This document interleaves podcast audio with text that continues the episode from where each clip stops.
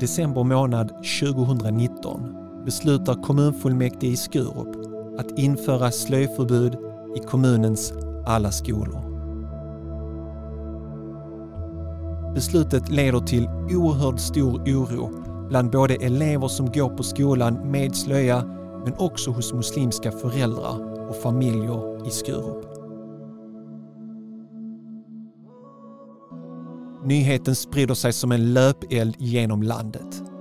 Kan en kommun verkligen gå emot den grundlagsskyddade religionsfriheten och strida mot FNs allmänna förklaring om de mänskliga rättigheterna? Nawel Aisawi arbetar som lärare på Prästamosseskolan, samma skola som Mattias Liedholm var rektor på, i Skurup när kommunpolitikerna beslutade att förbjuda slöjan i skolan. Nawel bär själv slöja och i Sydsvenskan beskrev hon sina upplevelser av händelserna med orden “Jag minns irritationen som jag hade då. När jag gick till jobbet kändes det som att jag gick till en plats där jag inte var välkommen.” Slutcitat. Men i samma artikel säger hon samtidigt jag upptäckte att det fanns väldigt många kollegor som ställde upp för mig och tröstade mig. Det var fint. Slutcitat. Du lyssnar på avsnitt två i vår nya miniserie Slöjförbudet i Skurup. Jag heter Sally Tufekcioglu och detta är Koranpodden. Podcasten där vi träffar starka personer som står upp för religionsfriheten. Detta är mitt samtal tillsammans med Nawel Aisawi om vad som hände i Skurup det året. Eh, Salam alaikum Noel. Hjärtligt välkommen till Koranpodden. Alaikum salam bror Saleh. Tack. Eh, Ja, jag intervjuade för några veckor sedan Mattias, rektorn, och eh, jag var djupt imponerad av hans människosyn. Eh, ser honom som en förebild och en kämpe för vad han gjorde och hur mycket han offrade. Och eh, att han inte har släppt det än, utan han jobbar på och skriver en bok som han kommer släppa. Så jag var djupt imponerad av, av, eh, av hans berättelse och naturligtvis tänkte jag i samma veva att jag vill intervjua dig och samtala med dig. För jag kommer ihåg att jag, Salim och andra syskon var ute i Skurup Yes. Mm. delade ut blommor Ja, det gjorde vi.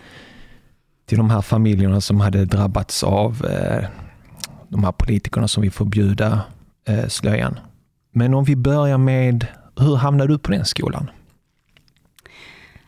Eh, tack så mycket för att jag fick vara med. Eh, och jag vill bara kommentera det här med Mattias och boken. Det ska bli jättespännande att läsa det Mm. sen. För du vet, det, det har säkert hänt massa bakom kulisserna som man inte vet riktigt Exakt. vad som hände. Eh, alltså jag har jobbat i Skurup i snart 11 år nu. Eh, och eh, eh, på de nya lokalerna har vi flyttat in för typ två år sedan. Mm. Men innan var det en annan eh, skola, eller annan lokal som heter Maclinskolan. Eh, men nu heter det Prästamosse skola.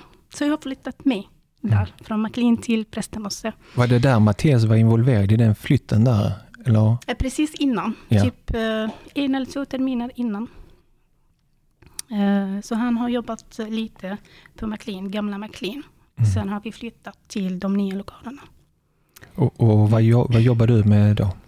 Vad undervisar du? Egentligen så är jag utbildad i engelska och arabiska som modersmål.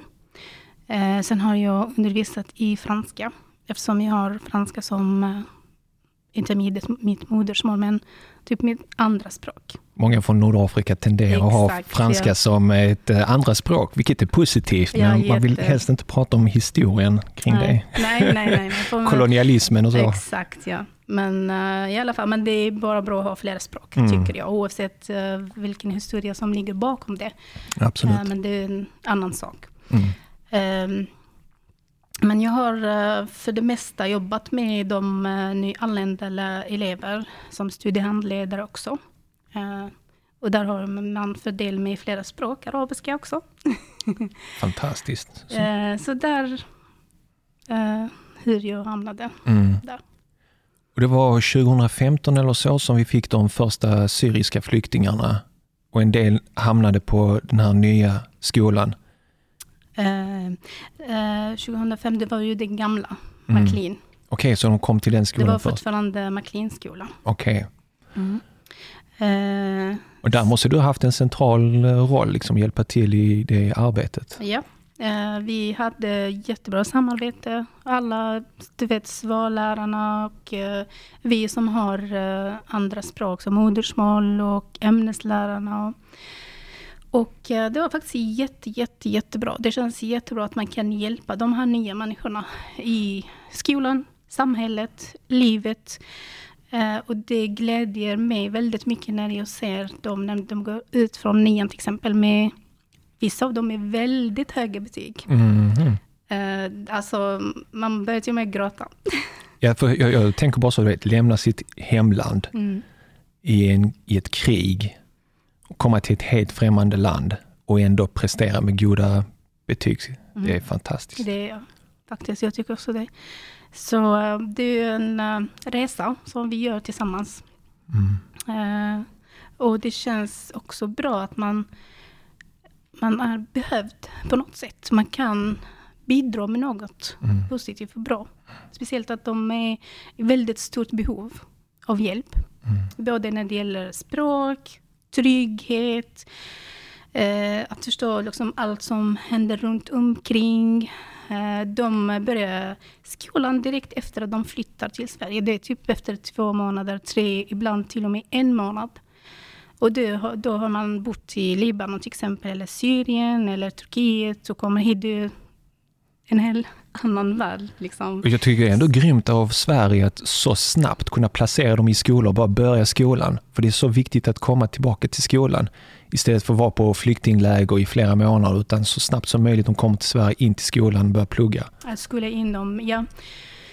Det kan vara olika i olika, mm. eh, kanske kommuner eller hur yeah. det behandlas. Liksom. Det kan vara olika, men eh, oftast så börjar de direkt. Mm. Att de eh, registreras och börjar skolan. Och, så det är jättebra. Mm. Att de har den möjligheten. Mm. Vad, vad, var det för eh, kontakt du hade med eleverna? Vad var det de pratade med dig? Vad var det för diskussioner du hade med eleverna då, som har kommit då från Syrien? Eh, allt möjligt. Mm. Allt möjligt. Det som pågår nu eh, och det som har hänt med dem mm. under resan från Vissa av dem har liksom flyttat bara från land till land till land.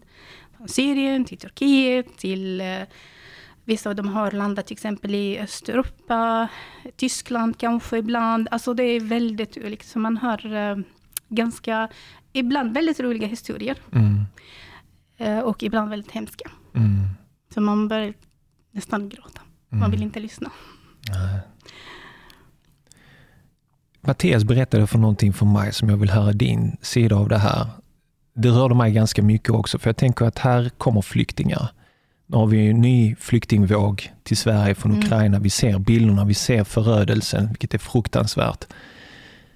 Så flyktingar är ju en utsatt situation och de kommer för att söka trygghet och få komma på gå i skolan och så vidare. Så det som Mattias berättar för mig som när detta hände med förbudet av, eller man ville förbjuda slöjor i skolan i Skurup.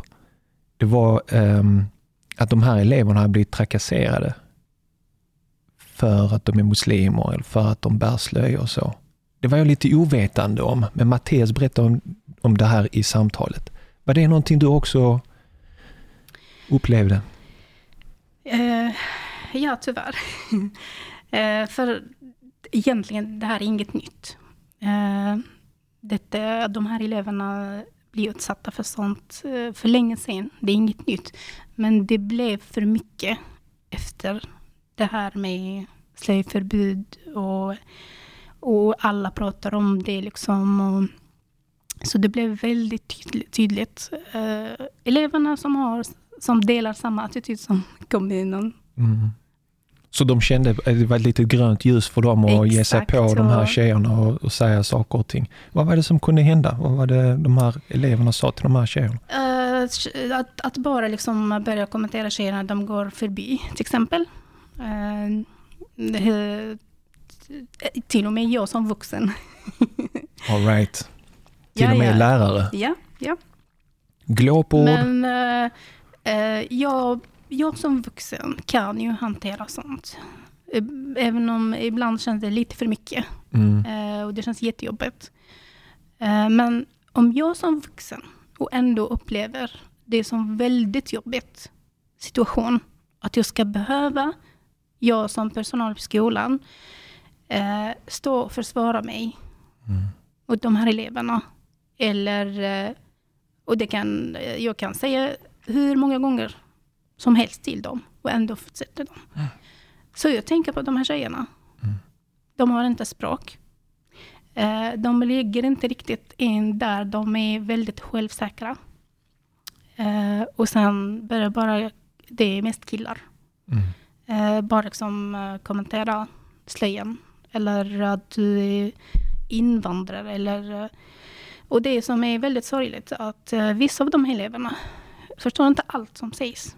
Nej. Eh, Så det, är, det måste vara väldigt hemskt att bara liksom, jag vet, jag, jag, jag kan känna hur tjejerna känner. Mm. Att ja, de säger något om mig, men jag förstår inte vad det är för något. Det är Just något det. dumt. Men de förstår inte. De kan, de kan, ja, precis, de kan känna signalen, eller de kan Ex- känna vibbarna att det är någonting Att det är negativt, något- men de förstår exakt. inte vad det handlar om. Och för dem är det- slöjan liksom inga problem i Syrien, så ingen, men här blir, eller att de är annorlunda, för de kommer från ett majoritetssamhälle, liksom, så här blir de helt plötsligt, det sånt finns inte förekommande i Syrien bland dem. Liksom. Nej. Eh, så... Eh, Kom, de här, kom de här flickorna fram till dig och pratade om det här? Oh ja. Oh ja, väldigt mycket. Mm. Eh, för de, även om de berättar hemma vad som händer på skolan, så kan inte föräldrarna riktigt förstå vad det innebär. Mm. Och hur det kan eh, skada de här tjejerna psykiskt. För de kommer bara liksom, och det har hänt. Jag har upplevt några tjejer som, de vill inte komma till skolan. Mm. Men det är mobbing alltså, det är, Ja, det är det. allvarligt. Så de kommer och, och, och berättar för dig, och det här når till Mattias också. Va, va, vad gör skolan? Alltså jag, Ja. jag tänker så, som du sa, man säger och så fortsätter det ändå. Men jag menar, till slut måste ledningen eller skolan ta fram någon form av strategi eller ett långsiktigt arbete om de grundläggande värderingarna och sånt. Och, alltså, du vet, respektera ingen Och det mobbing och sånt. görs ju. Mm. Ja, det görs. Eh, Jag som eh, vuxen och personal, så jag brukar först ta kontakt med mentorer.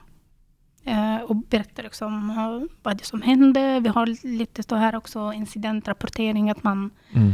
skriver in om det händer något. Eh, Men jag känner bara, detta räcker inte. Det räcker inte att jag bara registrerar och det räknas som statistik. Det, alltså, det är inte en mening med att jag kommer ska... upp till kommunen och där sitter några Exakt. gubbar som egentligen Ja. inte... Men jag, jag, i de flesta fall så upplever jag att skolan gör det som ska göras.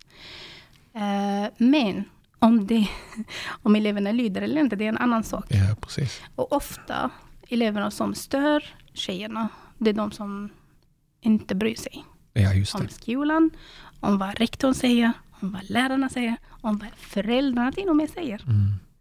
Eh, och eh, det är ju hemskt att säga, men tyvärr, eh, ofta har jag märkt att de här killarna, föräldrarna delar samma attityd. Mm.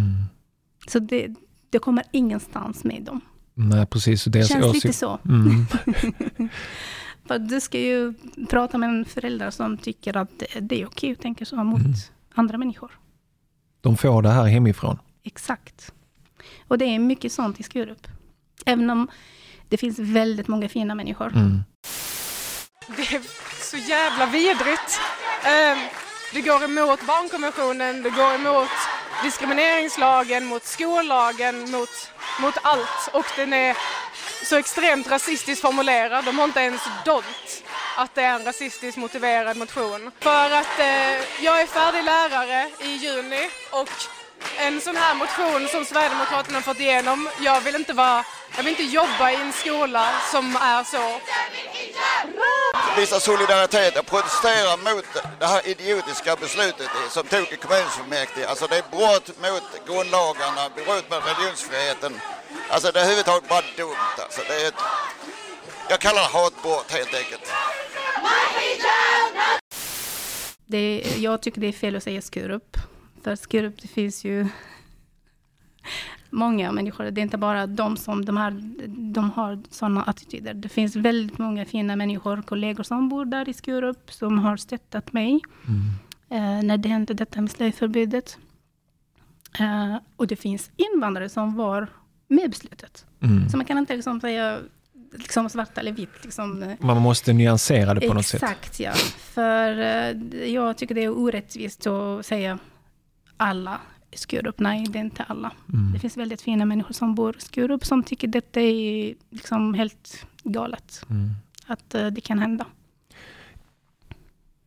Sen, sen berättade Mattias en intressant sak. För när det kom det här med politikerna som ville införa slöjförbud på skolan, så sa han att han inte visste om det, utan det var någon kollega till honom, jag tror han nämnde till och med ditt namn, eller det var någon annan som kom till honom och nämnde det här med att eh, politikerna vill införa mm. slöjförbud och han bara som det kan man ju inte göra. Så vi har ju lagar och sånt i Sverige. Kommuner kan inte bara bestämma vad som helst. De måste lyda svensk lag. Det kommer jag aldrig implementera för att det har vi inte lagligt stöd för. Um, hur fick du informationen om slöjförbudet och vad var din reaktion? Uh, det var en kväll. Uh, eller det var, ja, det var sent på kvällen. Jag kommer inte ihåg vilken dag, eller, men det var någon kväll. Eh, efter att man har liksom, eh, nattat barnen och allt. Och, så jag bara liksom var ute på nätet liksom, och läste hit och dit. Och, så läste jag detta. Om slöjförbud. Och det var ganska liksom, nytt, liksom, helt nytt. Minns du vilken eh, plattform det var? Var det SVT, Sydsvenskan? Eller? Nej, nej, det var inte sån, nej. nej. Det var inte sån... Eh, sociala medier kanske? Ja, sociala medier tror okay. jag. Så jag läste och försökte söka också och läsa mycket mer. För att vara, liksom, vara säker att det, detta stämmer. Liksom. Mm. Men vad, vad, vad, vad var dina tankar när du först stötte på det? Tror du att det är fake news eller? Faktiskt inte. Nej, Nej men ändå vill jag veta liksom, att det är på riktigt.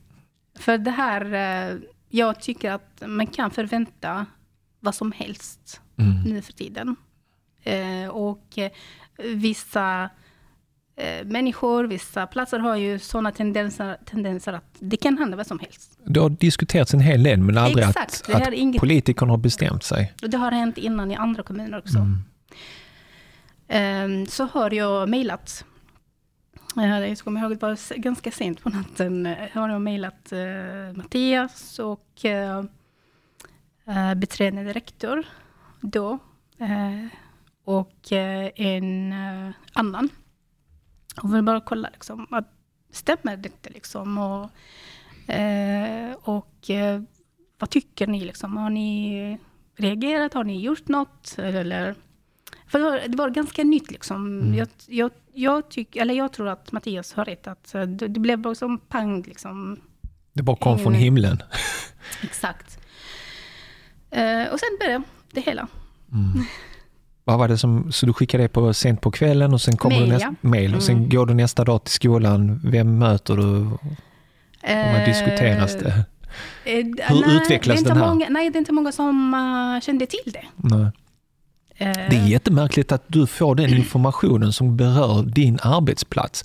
Jag tänker Mattias och biträdande rektor som borde känna till detta eftersom det här är en viktig policy. Mm. Alltså är man seriös i sin implementering så informerar man rektorerna att det här Exakt, är någonting. det är och så de jobbar som fram. ska veta om det. Ja precis, mm. inte, inte du på kvällen när du nattat mm. barnen. Och det, att det ska liksom gå runt på sociala medier. Mm. Innan det nås till liksom uh, skolledningen till exempel. Mm. Jätte, men, jätte, jättemärkligt. Ja men det är mycket som är märkligt i skolan. Uh, ja, men uh, som sagt, nästa dag... Uh, jo, jag kommer ihåg att jag skrev i mejlet att ska jag komma till jobbet imorgon eller? Jag har slöja ju, ni Mm. vet. Rör det eleverna så måste uh, lärarna också, annars blir det en jättekonstig Ja men, policy. i, ja men i början var det till och med vuxna. All Var right. tänkt från början till och med anställda. mm. Sen har de ändrat. Nej, bara barn som är under eh, någon ålder tror jag. Okej. Eh, och eh, jag, jag kommer inte ihåg riktigt då, men jag tror att eh, någon av rektorerna har svarat mig direkt. Mm. Eller lite efter, men samma natt fick jag svar.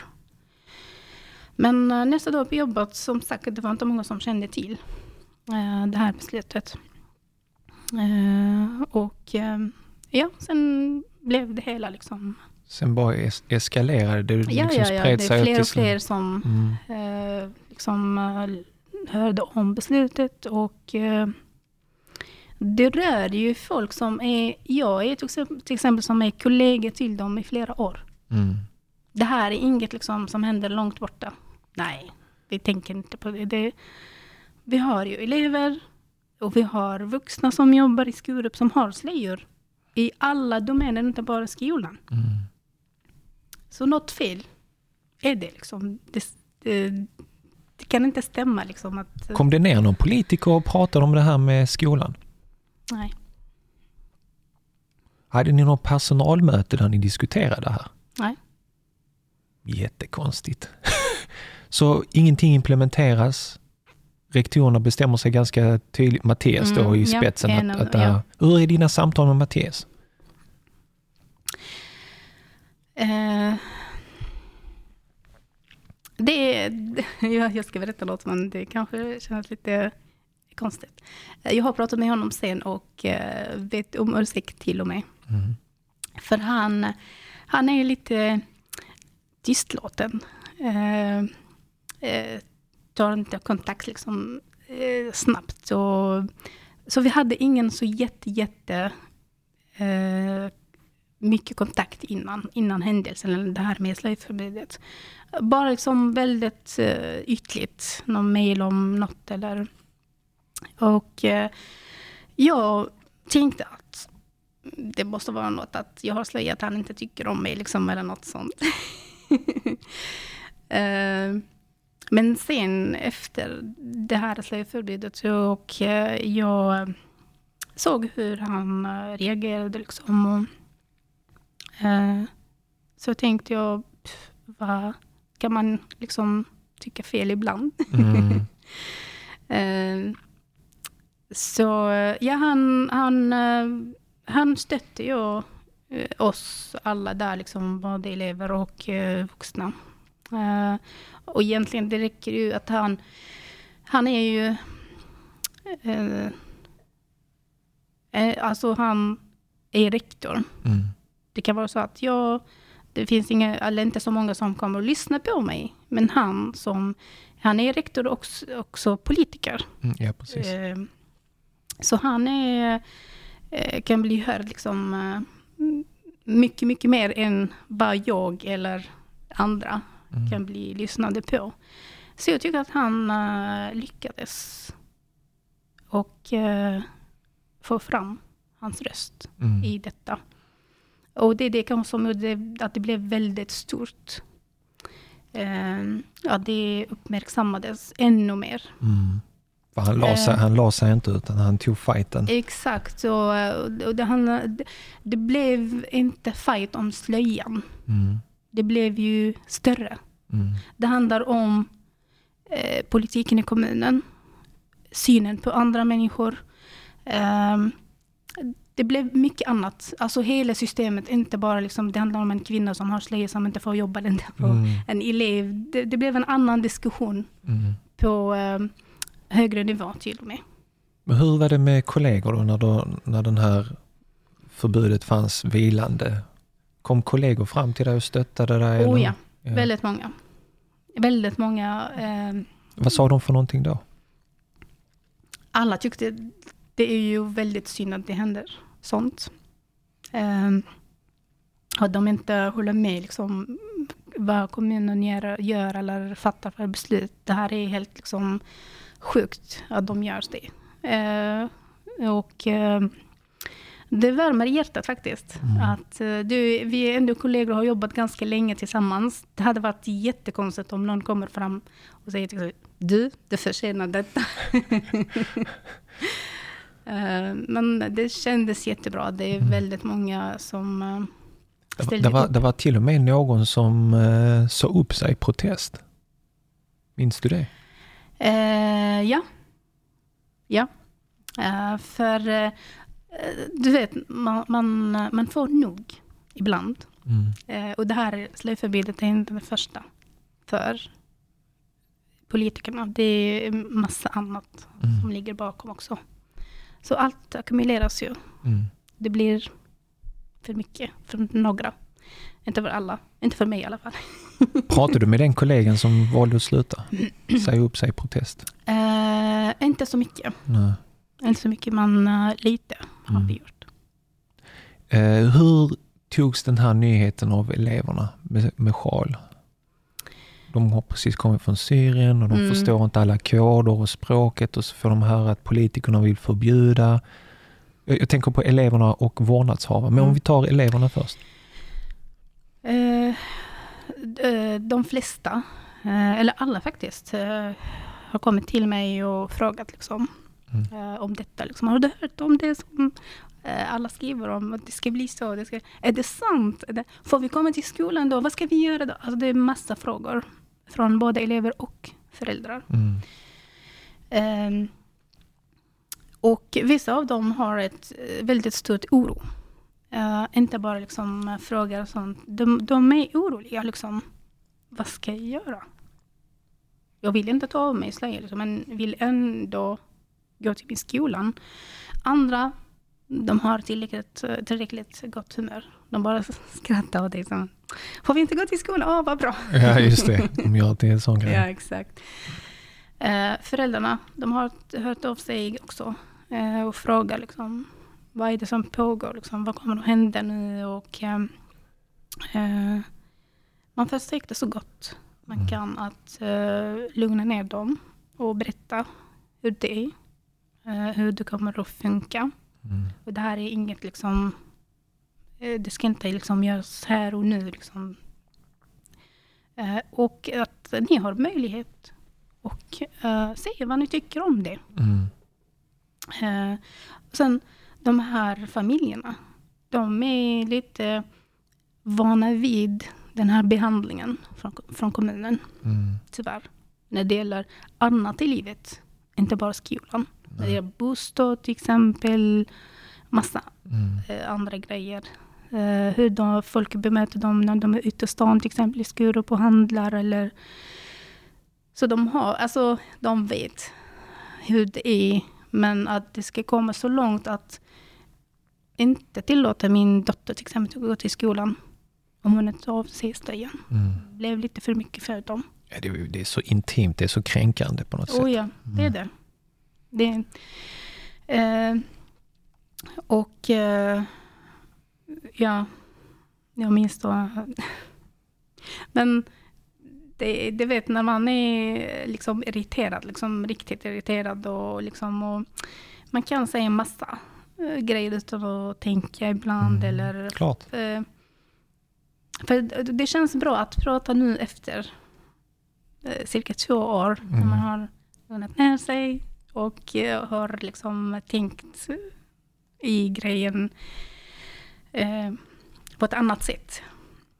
Eh, så man ser till och med på det från en annan liksom, vinkel. Det är inte samma som man ser på det innan. Nej, inte när man, är, när man är i det så att säga med det, ja, känslor och exakt, allting. Nu kan ja. du ha distans Mm. till det hela.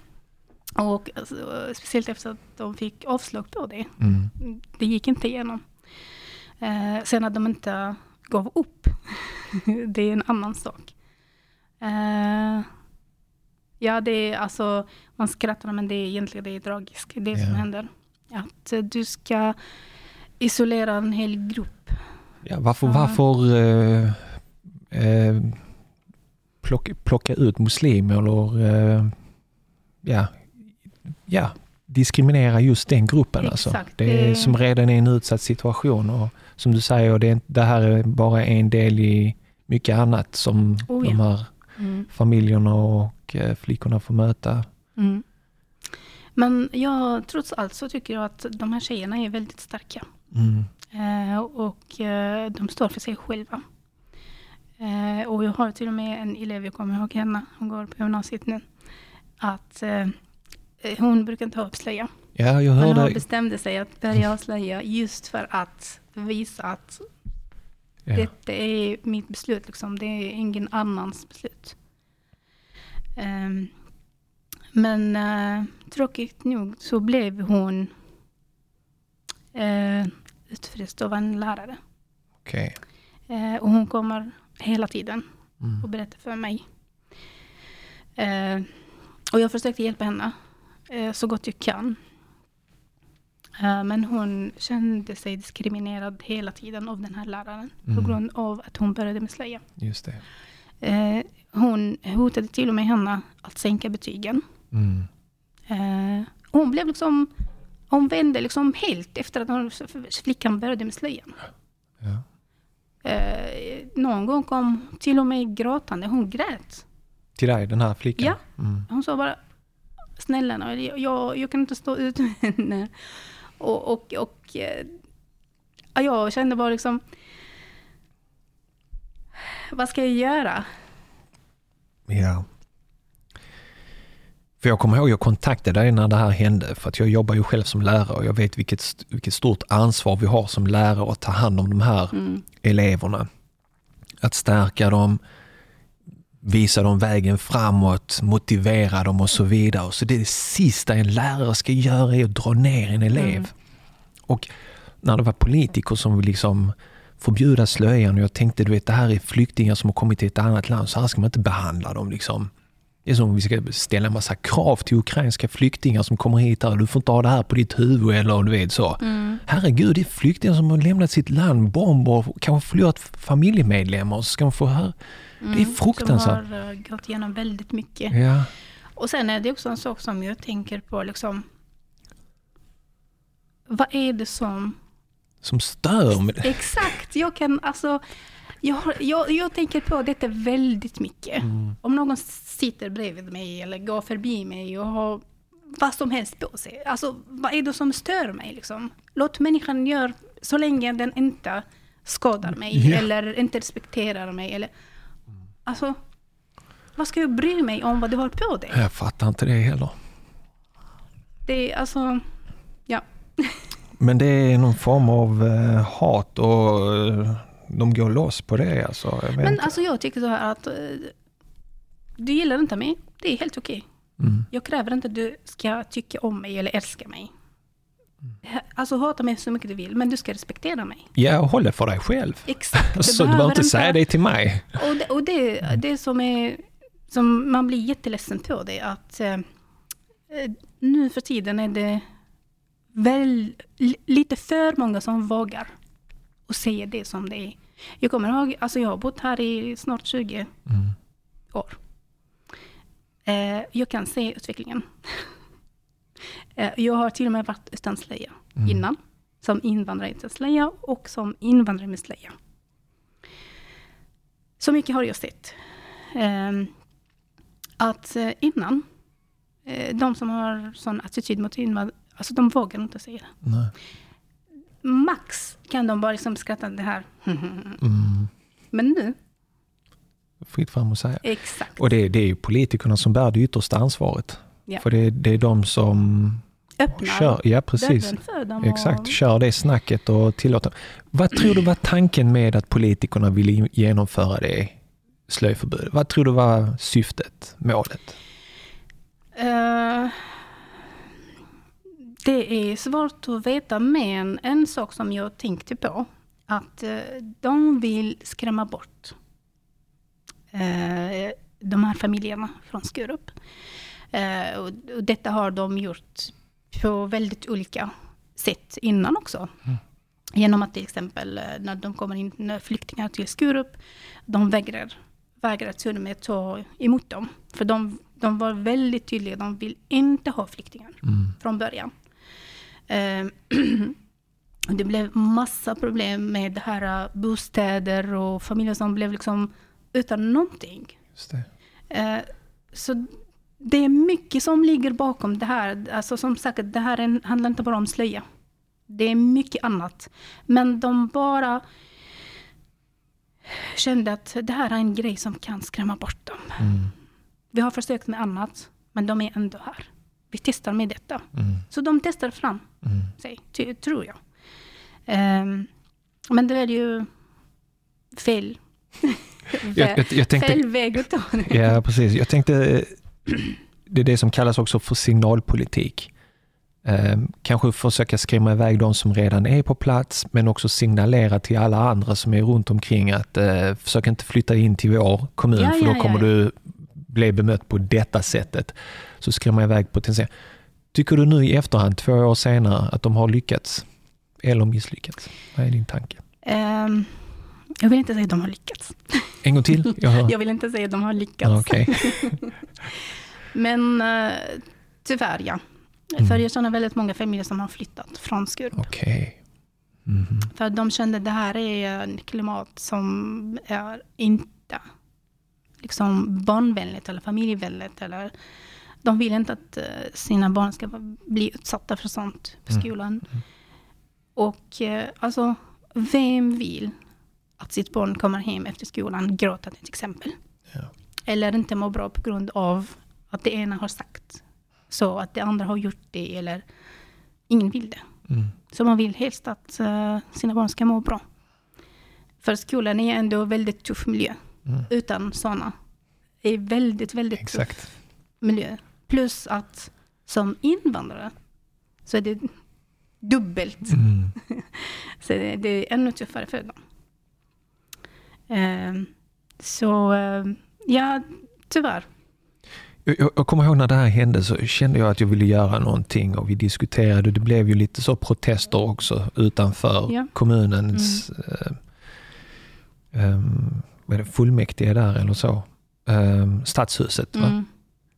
Men jag funderade också, vad, vad, vad kan vi göra? Och eh, vi gjorde ju en insamling och köpte rosor eller blommor eller Ja, någonting sånt. ja. Och så Mm. tog vi kontakt med dig om du kunde hjälpa oss att dela ut de här blommorna till de här olika familjerna för att vi vill visa dem stöd. Och när vi gav de här blommorna så sa vi att det här är muslimer i Sverige som har Mm. samlat ihop de här. Eh, Vi vill överlämna detta för att vi tänker på er och eh, vi stöttar, vi är bakom er och så vidare. Vad, vad är dina tankar från det? För jag känner att så här, gå ut och dela ut blommor, det är det de verkligen behöver. Behöver inte koppla in lite advokater och åklagare och annat. Så vi så, Nej, men just då så behövdes det väldigt mycket. mm, Att, eh, jag vill först tacka Mm. dig och, och Bror Salim för Mm. det. Eh, och eh, jo, det behövdes. Och det behövs hela tiden att man ska känna att man inte är ensam. Det är jätteviktigt. mm, Eh, för eh, är man ensam så, med, så ger man upp. ja, Eh, och Skurup, alltså trots att de är, inte, så- de är inte så jättemånga egentligen, om man ska jämföra med liksom, hur många invandrare där och hur många är invandrare. Så det, det är ingenting. mm. Men ändå så stör de kommunen. Ja, Vi var där och delade ut, det var inte många familjer. Nej, nej det, det är inte så många. Eh, och eh, det, det, det var jätteviktigt att de ska känna att det finns andra Mm. som ställer upp för dem. Och att vi är för varandra. Det För är jag- jätteviktigt. För det jag kommer ihåg var nummer ett, vilka fina familjer. För så fort vi kom så bjöd de in. Vi fick komma in, de bjöd på te, kaffe och välkomnade oss. Och de hade jättemånga frågor och de var ju oroliga. Mm. Och jag kommer ihåg att vi försökte trösta dem, stötta dem och att de inte ska vara så oroliga. Och det var inte många familjer, för vi delade nästan ut alla blommorna till de flesta familjerna i alla fall. Mm. Så om man, man tänker så, herregud, snälla kommungubbar, har ni Mm. inte större problem och bekymmer att ta itu med än De en här, handfull mm. flyktingar? Alltså jag, jag tycker det är, förlåt Noel, men jag, jag tycker det är så hjärtlöst. Alltså, Men det är det. Det är det. Och vet du vad, Bror Salih? Salih? Du, du, du såg ju hur de är gästvänliga Mm. och liksom bjöd in oss och allt. Och de skulle göra samma sak Mm. om det hade själva politikerna som har, gjort, som har varit på besök, så skulle Mm. de göra samma sak, vara väldigt snälla och vänliga mot dem. Mm. Trots att de inte gillar dem, men ändå. Och det, där ser man skillnad. Ja, men jag, jag, jag, jag tycker det är så hjärtlöst. Jag tycker det är så... Istället för att träffa familjerna, diskutera dem, välkomna är flyktingar. Nu när ukrainska flyktingar kommer, jag menar, vi måste välkomna dem med öppen hjärta. Och, och är man vänlig ska man vara extra vänlig, för det är människor i en utsatt I situation. nöd, en Ja, människa i nöd. nöd som Mm. behöver hjälp i allt. En människa som har upplevt massa Mm, hemska grejer mm, som har bakom sig. De, eh, de kommer inte hit som turister. Och eh, det är väldigt många av dem Mm. som vill jättegärna flytta tillbaka till sina hem, till, sitt hemland. Det är inte så att de liksom... Jo, de, de respekterar Sverige, de tycker om det och de känner sig liksom välkomna här och, och de tackar jättemycket att de fick liksom vara här när det ingen annan typ tog emot dem. Eh, men samtidigt så längtar de till att flytta tillbaka till sina Ja, hem. klart. Det är där man är född och uppväxt och det är där man har sitt hem och sina släktingar och vänner och så vidare. Ja, Men du vet, jag, jag, jag tror på Guds rättvisa. Som man bäddar får man le, ligga och ehm, är man en hycklare så kommer det visa sig förr eller ja. senare. Och du vet, och man kan köra alla lögner. Men du vet, nu när vi har ukrainska flyktingar Mm. som kommer, jag, jag vill inte lyfta det, men jag måste. mm. Därför att det är så tydligt att man gör skillnad på människor utifrån färgen på deras hud.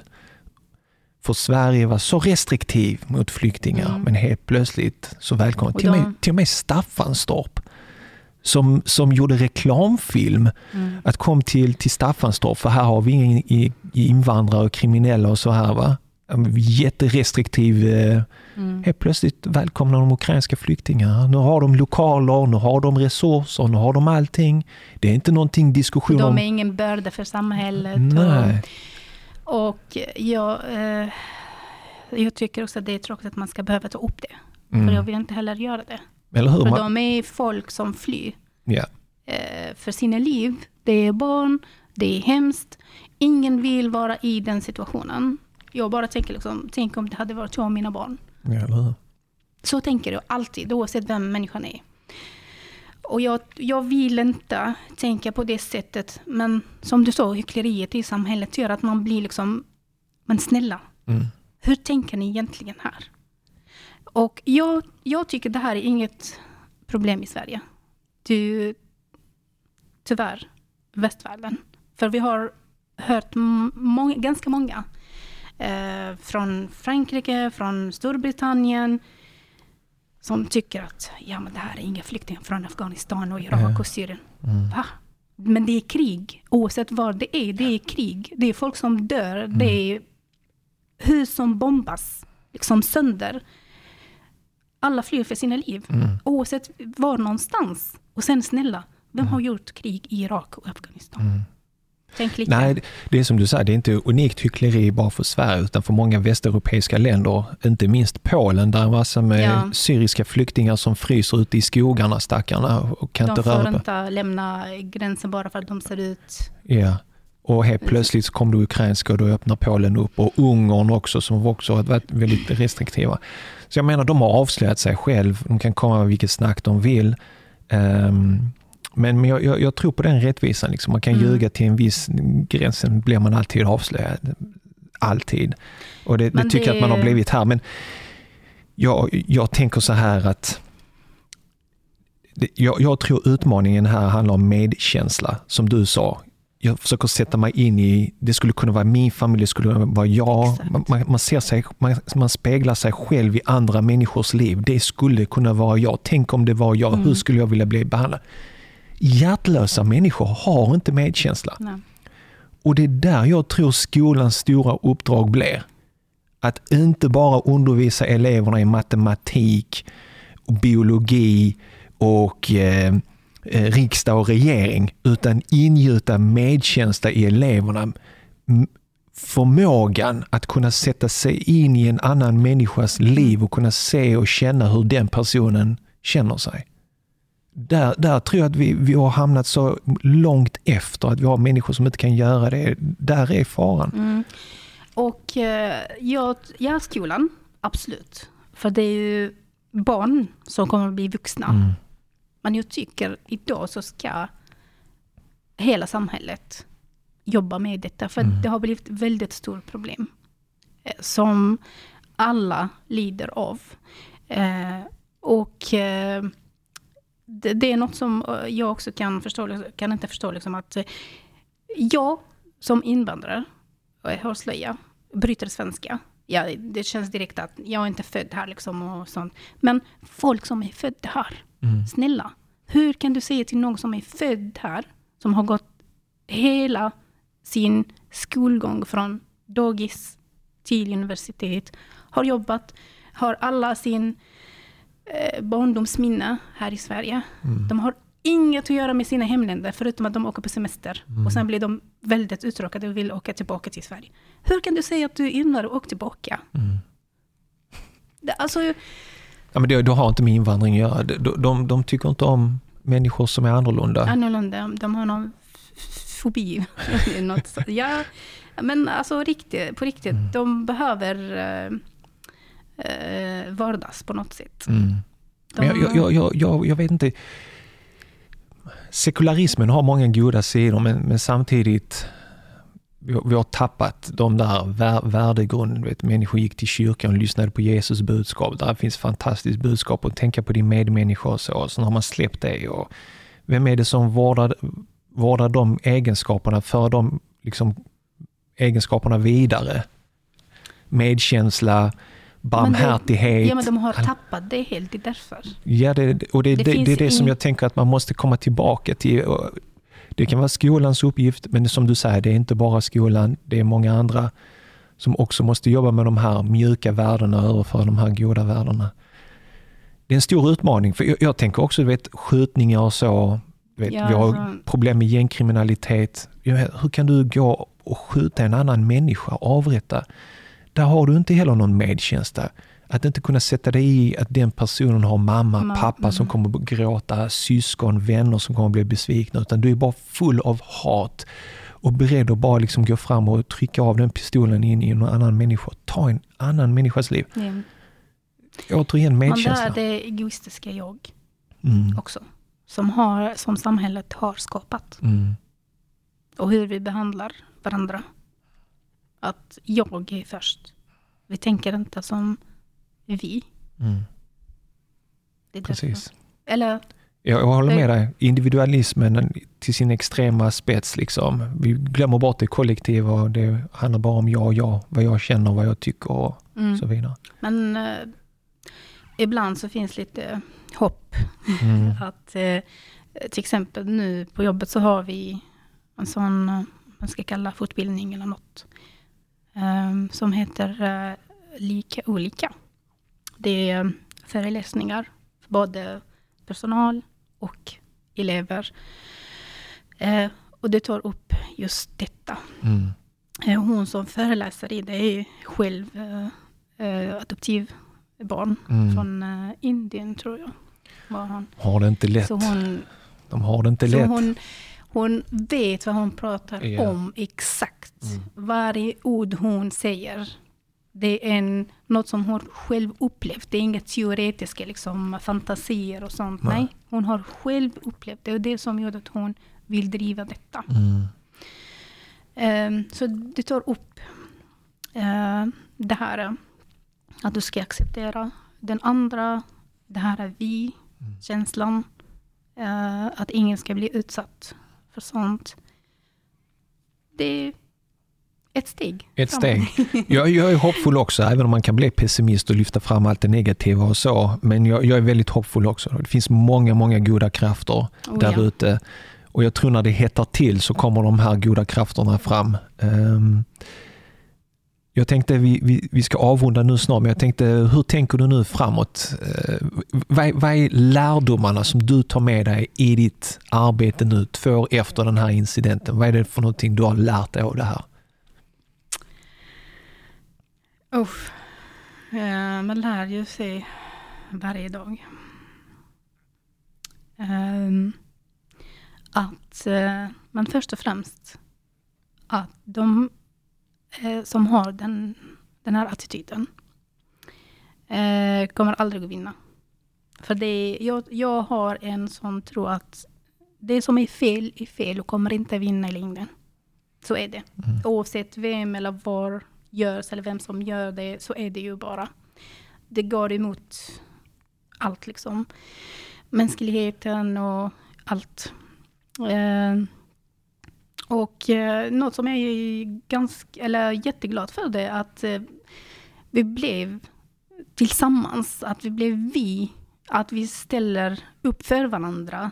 Att man känner att jag är inte ensam i detta liksom. Eh, att detta lyfts upp. Liksom, eh, att alla känner till detta, att vi har nu erfarenhet mm. av det som har hänt eh, och det som har gjorts. Eh, och hur man kan göra i, sam i framtiden ifall det skulle, de skulle, skulle hitta på andra dumheter. Liksom. Det, det lär komma sådana roliga grejer. Eh, ja, ja, ja, absolut. Um, och det kan bli värre till och med, man mm. vet aldrig.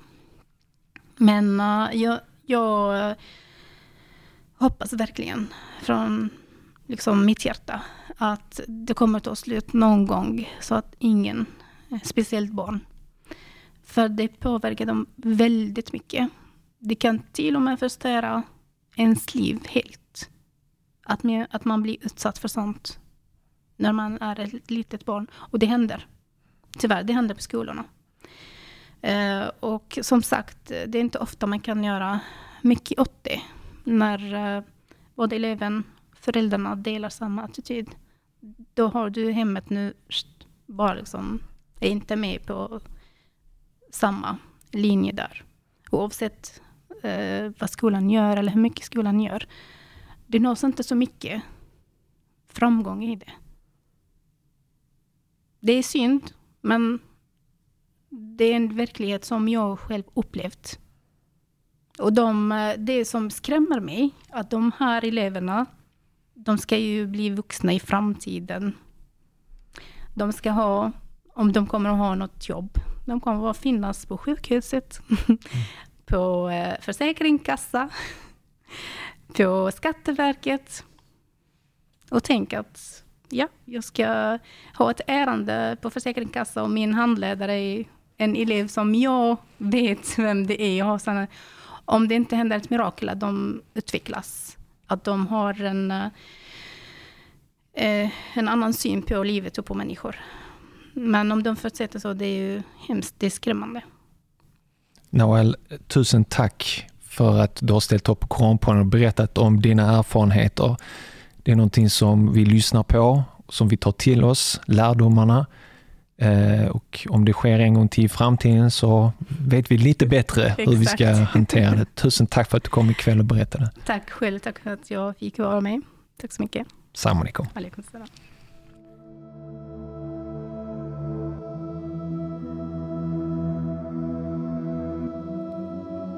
Tack för att du lyssnade på mitt samtal med Nahuel och på andra och sista avsnittet i vår miniserie slöjförbudet i Skurup. Förbudet prövades i förvaltningsrätten som kom fram till att beslutet strider mot både grundlagens bestämmelse om religionsfrihet och mot Europakonventionen. Även diskrimineringsombudsmannen har prövat slöjförbudet och kommit fram till att det inte är förenligt med diskrimineringslagen. Med det sagt innebär det inte att kampen för religionsfrihet och mot slöjförbud på skolor, att den slutar här. Vi, du och jag, måste kämpa varje dag och stå upp för våra rättigheter. Annars finns risken att vi förlorar dem. Om du fann mitt samtal med Nawel och serien om slöjförbudet i Skurup lika upprörande som jag gjorde skulle jag uppskatta om du delade samtalet med andra som värnar om religionsfriheten i vårt land. Detta måste aldrig upprepa sig igen. Skicka ett mejl eller ett sms med direktlänken till samtalet koranpodden.se 220. Nästa vecka får du lyssna på Sora Abasa reciteras vackert på arabiska med svensk översättning och kommentarer. Här kommer ett kort smakprov.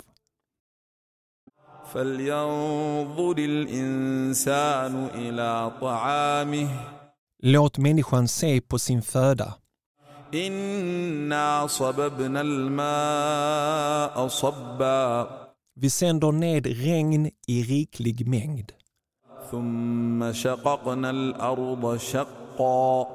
Och låter sedan de spirande fröna öppna fåror i jorden.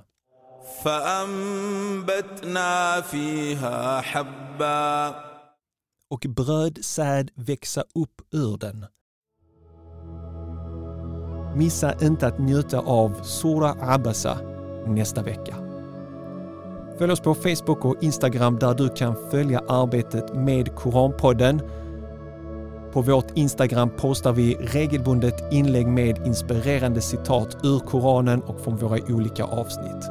Och vill du komma i kontakt med mig eller vill tipsa om någon som du vill att jag intervjuar så gör du det lättast genom att mejla mig på hej koranpodden.se.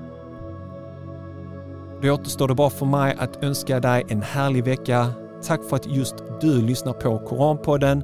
Vi hörs igen nästa vecka på måndag med ännu ett nytt avsnitt inshallah. Ta hand om dig tills dess. Salamu alaikum wa rahmatullahi wa barakatuhu.